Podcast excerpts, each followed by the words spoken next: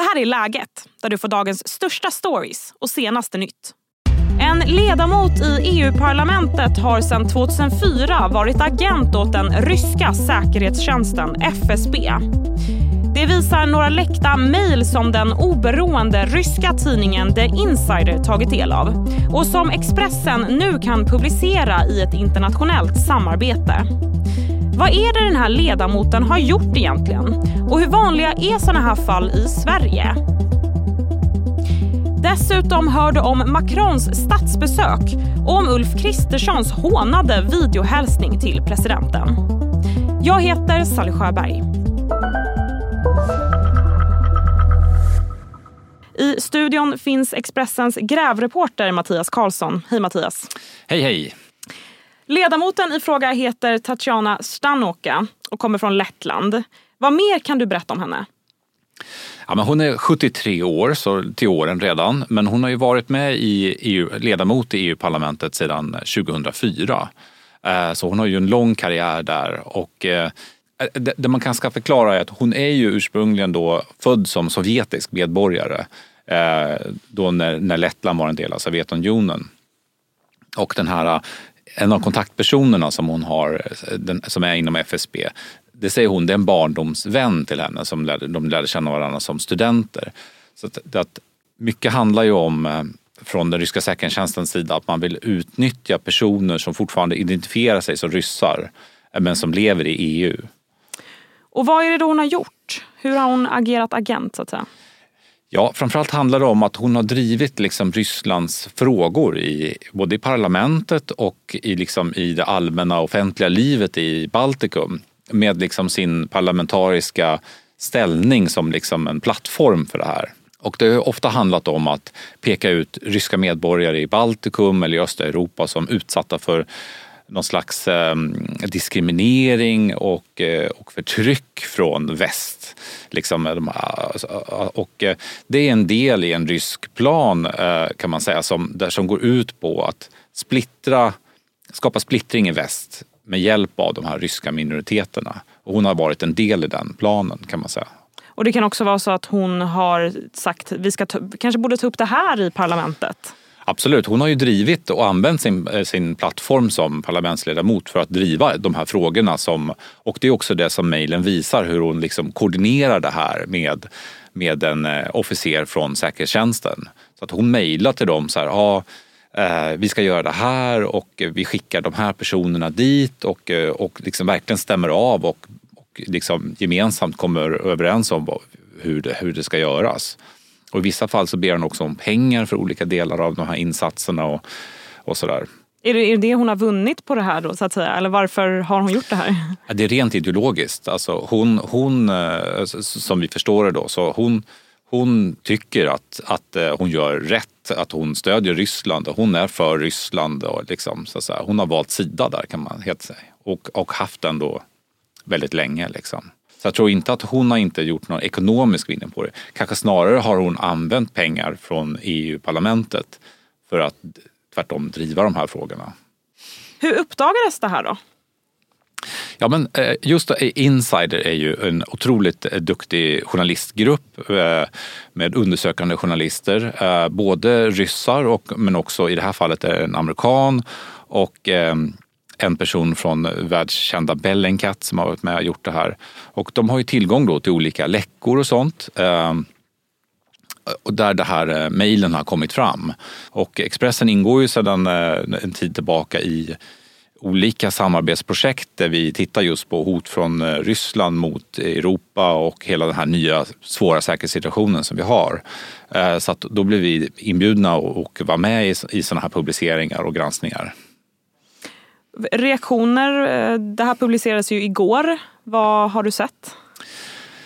Ja, det är många parlamentsledamöter som är väldigt upprörda och man börjar liksom lite grann skylla på varandra. Varför blev inte hon utkastad ur den här gruppen? Hon var ju i samma grupp som Svenska Miljöpartiet under, under många år och, och, liksom, och man börjar peka finger på varandra. Varför har vi inte uppmärksammat det här tidigare? Varför har vi inte gjort något? Och så. Och sen börjar man också peka finger åt andra som har haft en öppen, tydlig liksom pro, eh, Putin, pro-Kreml, pro-Ryssland roll Eh, där man liksom så här, men varför har vi tolererat det här? Borde vi inte ta tag i den här personen också? Så jag tror att det kommer vara ganska stor debatt som vi inte har sett, långt ifrån har sett slutet på. Ja, vad kan det här avslöjandet få för konsekvenser? Och hur vanliga är sådana här fall i Sverige? Det ska jag fråga dig Mattias, men först blir det en kort nyhetsuppdatering. I helgen rapporterade Expressen att drygt tusen svenska artister kräver att Israel ska uteslutas från Eurovision Song Contest i Malmö i maj. Anledningen är kriget mellan Israel och Hamas som har krävt tiotusentals liv i Gaza. Men tävlingsarrangören EBU, alltså Europeiska radio och tv-unionen backar inte från Israels medverkan. EBU skriver i ett uttalande till Expressen att de förvisso förstår både oron och åsikterna kring konflikten i Mellanöstern men att Israel följer tävlingsreglerna. Om du tycker att det varit svårt att lita på om tågen går i tid eller inte de senaste månaderna har du inte särskilt fel. Enligt siffror från tågstatistik har 10 000 tågavgångar ställts in i vinter. Faktorer som urspårade tåg, snö och hård kyla ligger bakom vinterns strul på järnvägarna.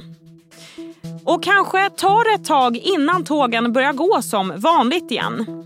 SJ har tidigare meddelat att de kommer behöva fortsätta köra med reducerad trafik även under våren.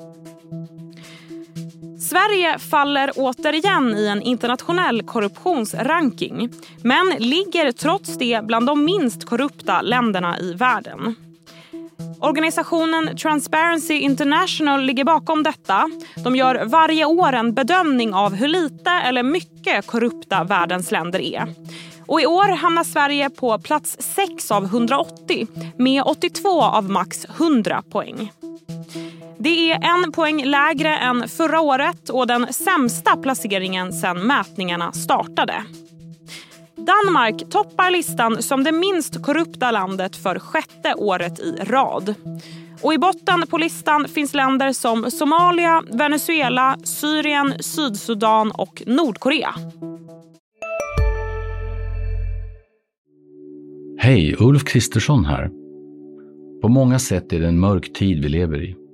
Men nu tar vi ett stort steg för att göra Sverige till en tryggare och säkrare plats.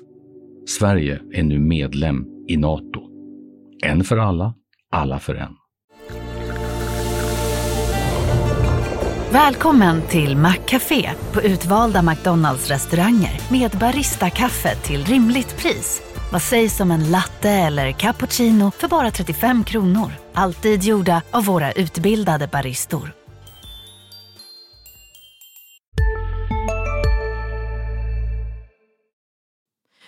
Tillbaka till Expressens grävreporter Mattias Karlsson. Var befinner sig Tatjana Stanoka nu då? Lite oklart faktiskt om hon är i Bryssel eller hemma i Riga. Men hon har ju liksom gått ut i försvar också. Så hon svarade ju oss och sa att, eh, att eh, ja, mailen, hon förnekade inte att mejlen är äkta så att säga. Men men eh, sen nu så har hon liksom gått till motattack och sagt jag kommer fortsätta stå för det här. Jag arbetar och hon, som hon då säger mot den här fascismen. Och det är samma typ av begrepp som man anklagar Ukraina för att vara nazister och sådär. Och det är den här typen av resonemang som, som de använder. Så att hon, hon går ju lite till till motattack eller vad man ska säga då och kallar i princip reportrarna för nazister som stödjer och eftersom de motarbetar hennes kamp mot den här eh, nazismen då som de liksom i deras sinnevärld skulle existera. Hur allvarligt skulle du säga att det är att det finns ryska agenter i EU-parlamentet? Ja, men det är ju jätteallvarligt för de kan ju liksom verkligen bidra med Framförallt när de arbetat under så lång tid att de, de, de hjälper ju till att sätta en agenda som, som är eh, som är liksom planerad och lagd av den ryska säkerhetstjänsten. Och det är ju inte riktigt så en demokrati ska fungera. Att, att att politiker ska agera ombud för ett annat lands säkerhetstjänst. Sen hur ska man upptäcka de här? Hur ska man, och hon är ju demokratiskt vald så att säga, i, i Lettland där det finns ju en rysk eh, grupp som eh, liksom vill stödja henne för att hon liksom då tar deras sida. Och så där. så att det, är, det är ett Svårt demokratiskt problem också när du har, om du har personer som är totalt odemokratiska men som är valda på ett demokratiskt sätt. Hur ska man hantera det här överhuvudtaget? Och liksom hur mycket övervakning kan man tillåta av politiker också? De ska ju kunna ha kontakt med olika personer. Men det är klart att det här ska ju inte få förekomma. Det, det säger sig självt. Det är då och då vi hör talas om liknande fall. Eh, ett av de mer kända fallen i Sverige är väl de här spionbröderna Peyman och Payam Kia som båda dömdes till livstidsfängelse för grovt spioneri. Hur vanliga är sådana här fall i Sverige idag? skulle du säga? Ja, alltså så här, det, Ryssland har ju liksom eh, sina nätverk lite överallt och på olika nivåer. Dels den här typen av inflytelseagenter som går deras agenda och utför olika sådana här eh, propagandagrejer. Och sen har de ju de här riktiga spionerna som, som ju eh, eh i det här fallet med, med Peyman Kia så hur som ju var en del av liksom den allra mest hemliga vi har i, i Sverige och som ju uppenbarligen lämnade ut eh, det har ju såklart varit en fullträff med dem. Men sen finns det ju många fler och vi har ju ett annat exempel för något år sedan med, med en, en svensk person som lämnade ut uppgifter om, om Volvo och Scania var det väl till en eh, underrättelseofficer som ju arbetade här på ryska ambassaden bara tvärs över gatan från där vi står. Vi är ju grannar med ryska ambassaden för den som inte vet. Men, och, eh, det visar ju också hur många olika aspekter. De jobbar så brett och på alla olika nivåer i samhället. En sak jag reagerade på i ert avslöjande var att ni använde ordet agent och inte ordet spion. Eh, hur kommer det sig?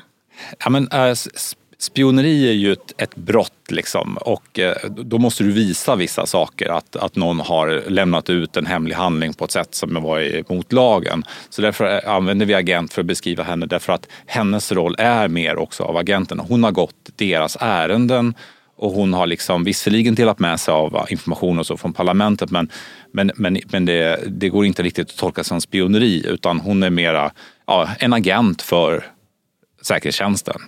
Mm. Hotet från Ryssland blir ju inte mindre dessvärre. Kommer vi få se fler sådana här fall? Vad tror du? Ja, men det tror jag.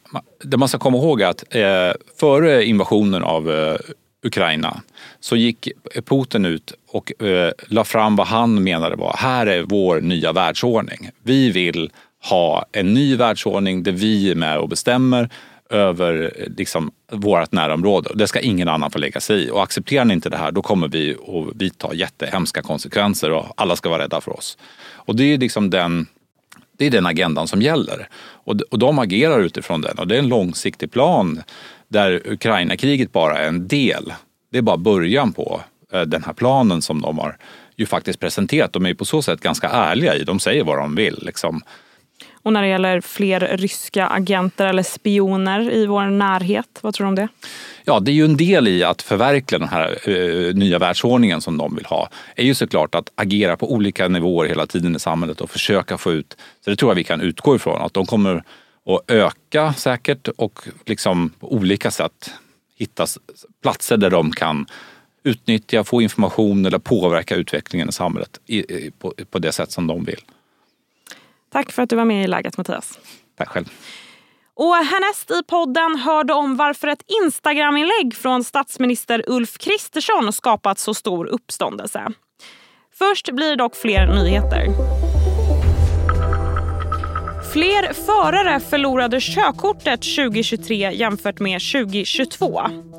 Den vanligaste orsaken var en så kallad väsentlig överträdelse som i normalfallen handlar om fortkörning. Något som hände 18 324 gånger. En kategori som ökat mycket procentuellt från 2022 till 2023 är rattfylleri och drograttfylleri. Och totalt återkallades 6 991 körkort på grund av just rattfylla eller drograttfylla. Men det ska noteras att polisen genomförde fler kontroller förra året och att de därför också kunde upptäcka fler fall av rattfylleri.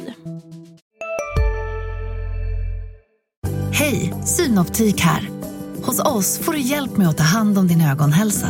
Med vår synundersökning kan vi upptäcka både synförändringar och tecken på vanliga ögonsjukdomar.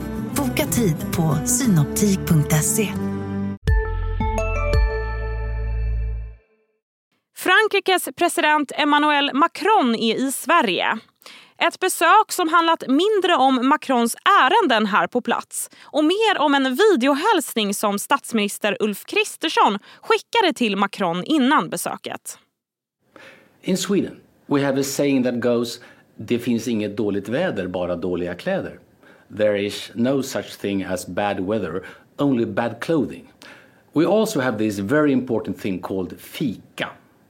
If you try to skip this opportunity to sit down and have some coffee and a kanelbulle, there will be serious consequences.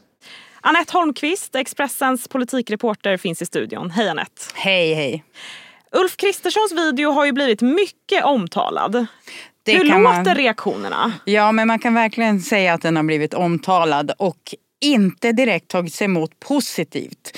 Det har, den har kallats pinsam, Eh, att videon kändes som att den var AI-genererad och eh, PR-experten Paul Ronge sågade den helt och sa att innehållet var onödigt flamsigt och inte särskilt respektingivande. Så det var en snackis i alla fall. Verkligen. Men Macron verkade uppskatta den här hälsningen. Ja, det verkade så. Han svarade i en ganska lättsam ton han också i en blandning på svenska och engelska och då sa han att han ska se till att komma rätt klädd och se fram emot en fika. Hur som helst, Macron är här i Sverige. Hur kommer det sig egentligen? Ja, men det handlar egentligen om att visa att Sverige och Frankrike har väldigt många och långa förbindelser med varann och poängtera att de är viktiga och de ska stärkas ytterligare. Det här är ju det första franska statsbesöket i Sverige på 24-25 år. Okej, och vad, vad kommer hända här då? Ja, huvudskälet till att han kommer hit är att man ska då som sagt stärka de här förbindelserna mellan Sverige och Frankrike och underteckna ett avtal om samarbete om kärnkraftsforskning mellan Sverige och Frankrike. Och eh, huvudfokuset för hela besöket som sker i Stockholm, Malmö och Lund är innovation och grön omställning men också försvar och säkerhet. Och när de är här så ska de träffa både kungafamiljen och som sagt statsministern, talmannen, riksdagen, regeringen. Mm, Macron och hans fru är, är, är väl som är här ja. Precis, det stämmer. Och eh, under tiden som Macron träffar Kristersson och håller en pressträff tillsammans till exempel så ska hans fru Brigitte Macron tillsammans med drottningen besöka bland annat Rinkebyskolan och Moderna museet.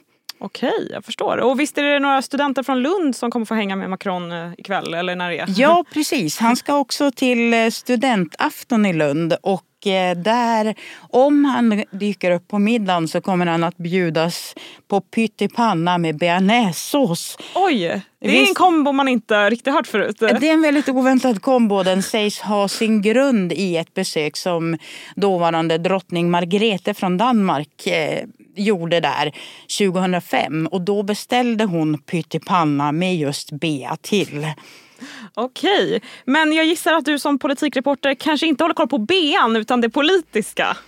Ja, det är klart att jag håller koll på politiken men jag är också nyfiken på om han dyker upp och käkar den här pyttipannan och vad han tycker om den kombon. Absolut. Och det politiska då, vad kikar du på där? Det är klart att det är just nu någonting som är väldigt stort i Sverige. Det handlar ju om kärnkraften men också om försvarsfrågorna. Så att eh, säkert finns det flera spännande saker att hålla koll på där. Tack så mycket Anette. Tackar! Och det var allt för idag. Läget kommer ju ut varje vardag så se till att du följer podden så missar du inga avsnitt. Tack för att du har lyssnat. Du har lyssnat på en podd från Expressen. Ansvarig utgivare är Klas Granström.